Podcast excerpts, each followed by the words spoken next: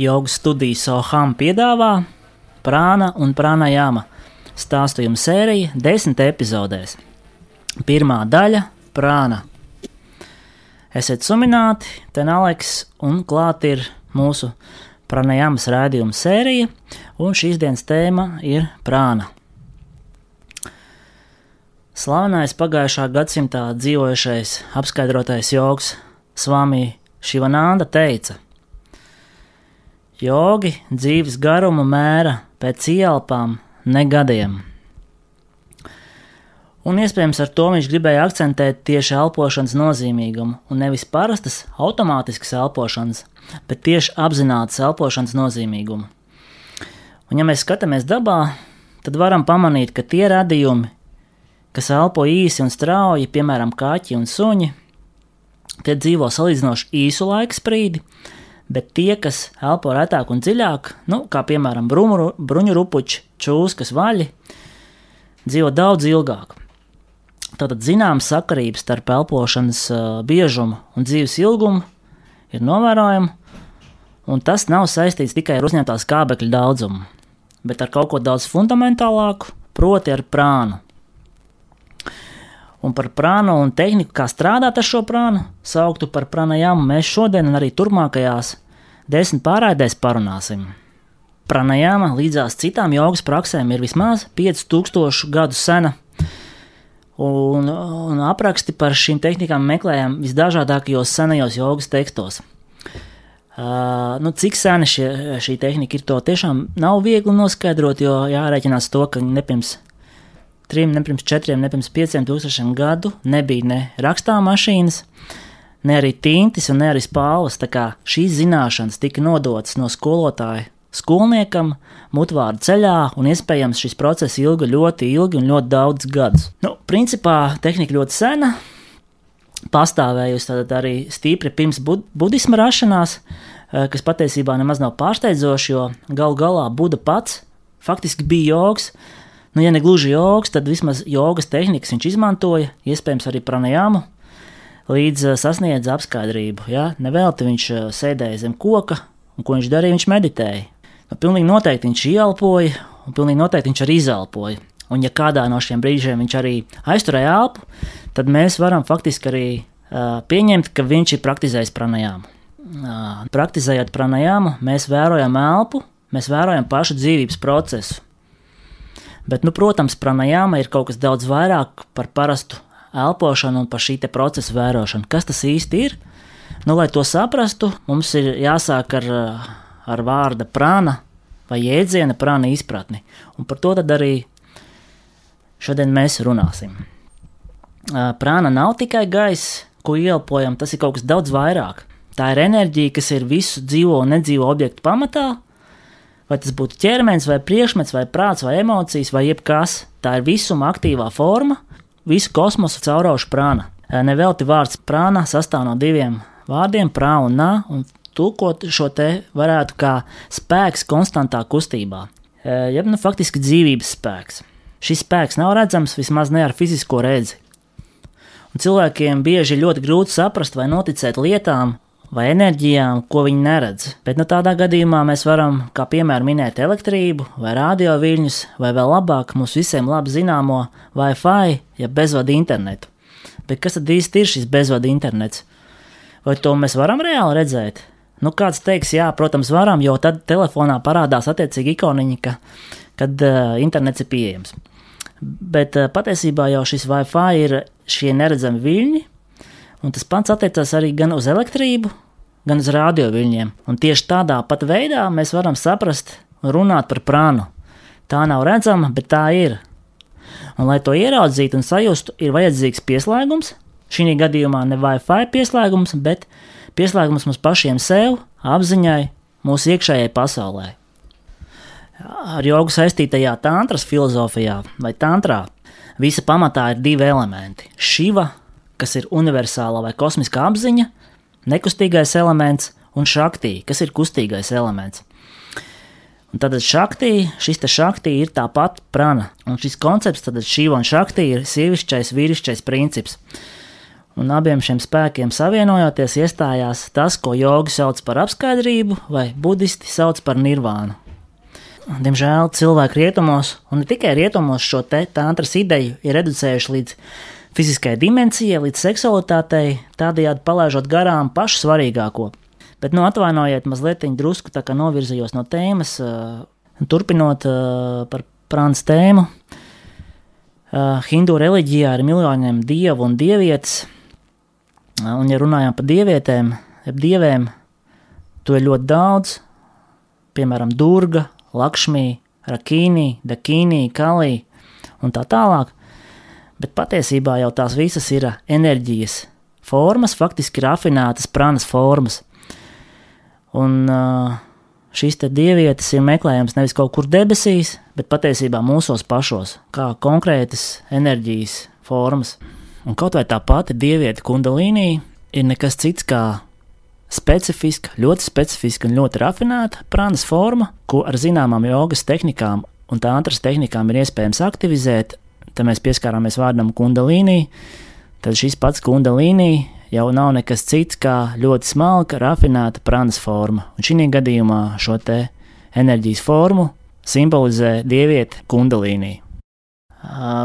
Prānas koncepts ir meklējams ne tikai jogas filozofijā, bet arī citur, tā skaitā reliģijā.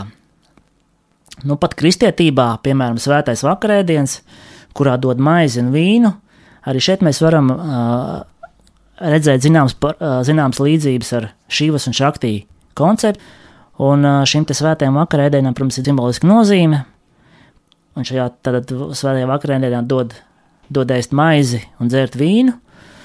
Un šo te maizi mēs varam arī tulkot kā dzīvības vai enerģijas vai prānas simbolu. Savukārt vīns varētu būt apskaidrības, svētlēms, tad šīs jeb apziņas simbols. Tad šīva un šaktī.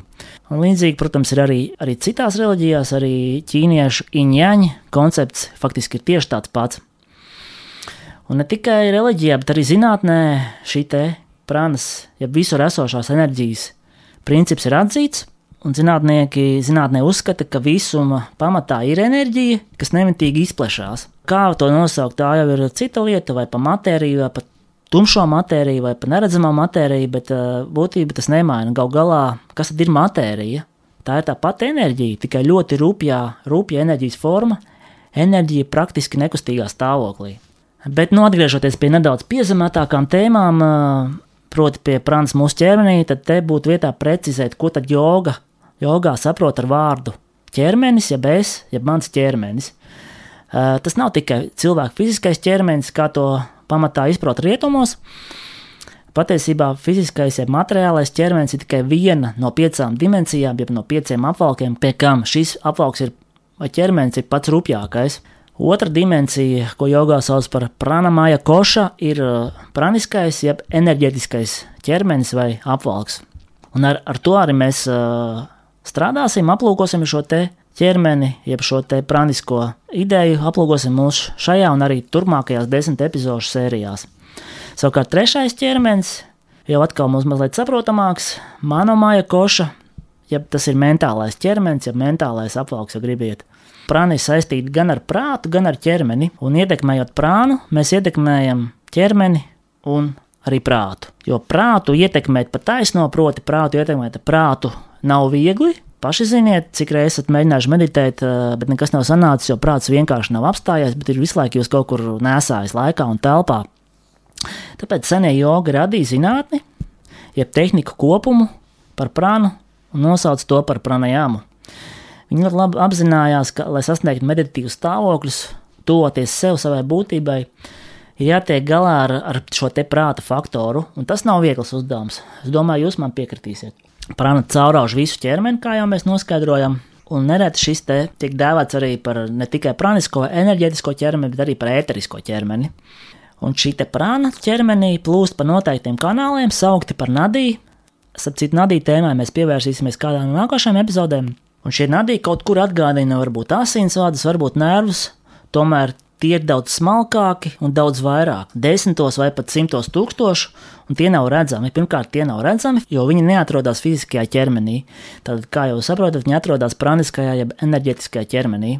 Nu, tā kā prāna, protams, nav redzama, nav redzama ar parastu redzi, bet prāna, prāna ir sajūtama un redzama ar aizvērtām acīm meditācijas stāvoklī. Dažkārt arī pēc garākas un veiksmīgākas pranajāmas sesijas šo te prānu var gan just, gan arī redzēt. Un parasti tā izpaužās kā dažādu gaismas un krāsas mākoņi, ko mēs redzam aizvērto acu priekšā. Tie var būt gan kustīgi, ieņemt dažādas formas un tam līdzīgi. Krāsas tur var būt visdažādākās. Es domāju, ka katrs no jums arī ir piedzīvojis šo te krāsu spēli aizvērto acu priekšā. Nu, un vēl viena lieta, kas pranai raksturīgs, ka tai nepārāk patīk ievērot mūsu fiziskā ķermeņa robežas. Tā mēdz izplesties ārpus, ārpus ķermeņa. Un tieši to daļu, kas atrodas ārpus ķermeņa, mēs arī saucam par auru. Protams, ir cilvēki, kas šos aurus redz, ir cilvēki, kurus daba ir apveltījusi ar šīm spējām, un viņi redz ne tikai prānas, bet viņi redz arī prānas disbalansu ķermenī. Tad prānas disbalans faktiski ir tas, ko mēs saprotam ar vārdu slimība. Un tieši tāda arī ir prānas un fiziskā ķermeņa kopsakarība, ka slimība sākotnēji parādās praniskajā ķermenī, un tikai tad, pēc kāda laika, viņa novērojama fiziskajā plānā. Protams, varbūt arī otrādi, piemēram, kādas traumas vai kāda fiziska defekta gadījumā parādās arī disbalans vēlāk praniskajā ķermenī. Es neesmu līdz galam drošs, bet uh, mums labi zināmais fenomens, kas ir saukts par fantomu sāpēm, kad sāp orgāns vai ķermeņa daļa, kur ir amputēta, ir tāds fenomens, un zinātnē aizvien vēl nerod skaidrojumu šīm sāpēm, bet es domāju, ka šīs sāpes ir cieši saistītas ar šo te pranisko ķermeni, kuru nu nav tik viegli amputēt, teiksim tā. Uh, turpinājumā, kā tad uh, tiek uzņemta prana? Prana mēs uzņemam ar ēdienu, ūdeni un gaisu. Un prānas kvalitāte kvantitāte lielā mērā noteiks arī mūsu aktivitāti un dzīves paradumus. Nu, jo vairāk prānas, jo vairāk psihiskās enerģijas, un cilvēks var vairāk izdarīt. E, nu, lai arī mums ļoti nepatika, es domāju, nevienam nepatika Donalds Trumps.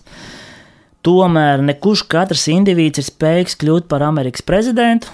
Nu, tur jābūt zināmam mojo, jeb tas, ko jogas valodā sauc par zināmu enerģijas vai prānas līmeni, vai pat drīzāk šī gadījumā par kundalīniju līmeni. Savukārt, ja daba nav apveltījusi cilvēku ar zināmiem prānas krājumiem vai prānas menedžmenta zināšanām, tad iespējams tas var izpausties kā negatīvisms, īgnums un neapmierinātība ar dzīvi. Un to es arī saku no savas personīgās pieredzes. Diemžēl, pirms sāku praktizēt par najāmu, šīs bija man raksturīgas iezīmes, kuras, starp citu, diezgan ātri arī izgaisa praktizējot pranajāmu, bet par to, kā pranajāma ietekmē mūsu, mūsu veselību, to es pastāstīšu kādā citā epizodē. Nu jā, nu visas šīs negatīvās izpausmes ir zināmā mērā saistītas ar zemo prānas līmeni un arī prānas kvalitātes jautājums. Tas ir. Nu jā, un jāpiezīmē, ka visvairāk prānu cilvēks patērē ne tik daudz fiziski strādājot, cik mentāli. Ja tieši prāts ir ir tas, kas patēra visvairāk mūsu prāta krājumus. Tāpēc, teiksim, intelektuāli un mentāli darba darītāji bieži vien tiecās pēc meditācijas, jo tādā veidā viņi var samazināt šo enerģijas noplūdi un patēriņu, kas saistīts ar domāšanas procesu. Un ar meditācijas palīdzību ietaupīt un pat ģenerēt zināmus prānas krājumus. Un šo prānas kvalitāti un kvantitāti mēs varam ietekmēt un palielināt ar speciālām praksēm. Un te nu mēs nonākam pie vārda pranajāma, Pie prānas un to veidiem mēs vēl atgriezīsimies vienā citā epizodē, kad runāsim par piecām konkrētām prānām mūsu ķermenī un ar to saistītajām čakrām. Un tā tad pranajāmas vārds ir izskanējis, bet par to mēs runāsim nākamajā epizodē pēc nedēļas. Pagaidām paldies par uzmanību! Netērējiet lieki prānu, saudzējiet sevi, dzīvojiet veseli! Atā, šis bija Aleks Soham!